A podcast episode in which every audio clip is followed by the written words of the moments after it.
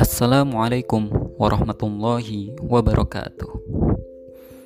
Alhamdulillah Wassalatu wassalamu ala rasulillah Wa ala alihi wa sahbihi wa mawala.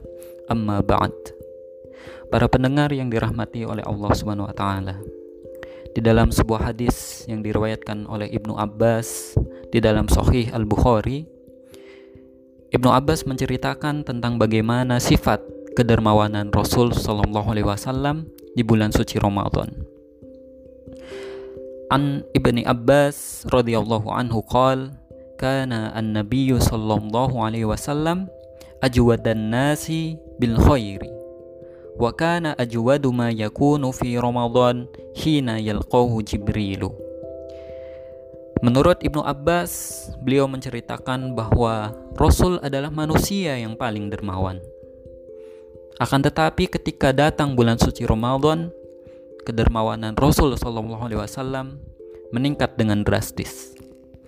Inilah sekelumit tuntunan yang diberikan oleh Rasul kepada kita selaku umatnya bahwa Ramadan tidak hanya berbicara tentang sholat, tidak hanya berbicara tentang membaca Al-Quran, akan tetapi lebih dari itu, Ramadan adalah momentum bagi kita semua untuk meningkatkan ibadah sosial kita.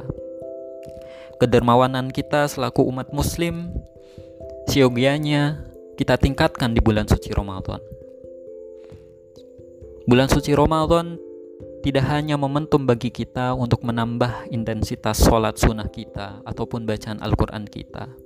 Akan tetapi terlebih di masa di mana orang-orang di sekitar kita banyak sekali yang membutuhkan uluran tangan kita, Ramadan menjadi momentum bagi kita umat muslim untuk kita memberikan bantuan kepada mereka.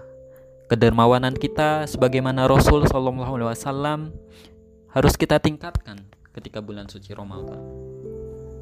Harapan kita bersama bahwa Ramadan kali ini benar-benar menjadi madrasah bagi kita untuk meningkatkan ibadah vertikal kita kepada Allah Subhanahu wa taala.